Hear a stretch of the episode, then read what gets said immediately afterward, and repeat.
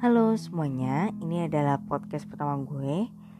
Dan kenapa podcast ini bernama Habis Gelap Terbitlah Jawaban? Karena podcast ini direkam di malam hari Jadi dalam keadaan gelap dan tidak ada matahari.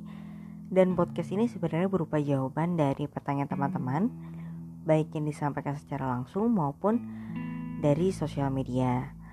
Jadi harapannya dengan mendengarkan podcast ini mudah-mudahan pertanyaan teman-teman seputar banyak hal psikologi, kehidupan sehari-hari dan lain-lain dapat terjawab ya. Oke, selamat mendengarkan.